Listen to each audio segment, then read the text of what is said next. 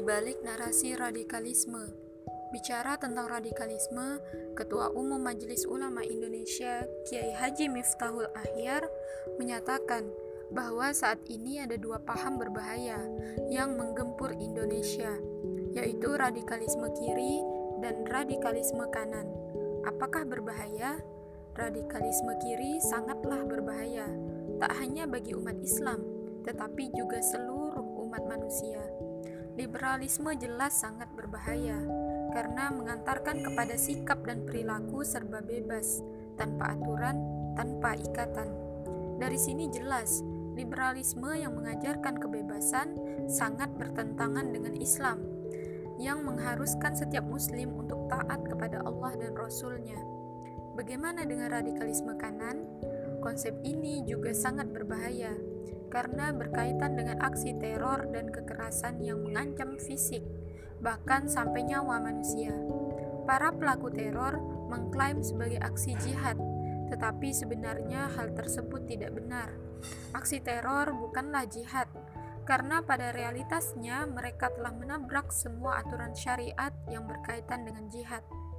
Wasatiyah tak akan mampu menjadi solusi alih-alih membentangi umat dari paham-paham berbahaya. Wasatiyah justru mengajarkan dan mengajak umat untuk mengadopsinya. Bagaimana tidak, Islam wasatiyah mengajarkan untuk selalu mengambil sikap kompromistis dan jalan tengah dalam segala hal, bahkan dalam keterikatan terhadap syariat Allah.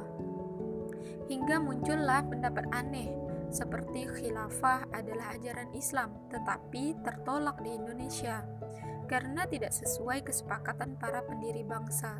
Sejak kapan kesepakatan manusia bisa mengalahkan perintah Allah? Tanpa disadari, konsep kompromi dan jalan tengah seperti inilah yang menjadi pintu masuknya paham-paham kufur, sekulerisme, pluralisme, dan liberalisme ke benak-benak kaum muslimin. Pemikiran radikalisme kiri dan radikalisme kanan, sebagaimana yang dimaksud dalam penjelasan di atas, adalah paham-paham berbahaya yang memang harus dijauhkan dari umat. Namun, hari ini kita bisa lihat bahwa isu radikalisme tak hanya dikaitkan dengan hal tersebut, melainkan juga dikaitkan dengan dakwah Islam ideologis atau politik dan para pengembannya yang notabene tak melakukan aksi kekerasan apa pun. Bahkan narasi ini yang lebih kuat diharuskan di tengah umat. Tentu ini sangat disayangkan, karena penerapan Islam kafah adalah perintah Allah dan Rasul-Nya. Demikian juga menegakkan khilafah, merupakan kewajiban, bahkan mahkota kewajiban. Taja'al furud, karena tanpa khilafah, banyak sekali kewajiban agama yang tak bisa direalisasikan.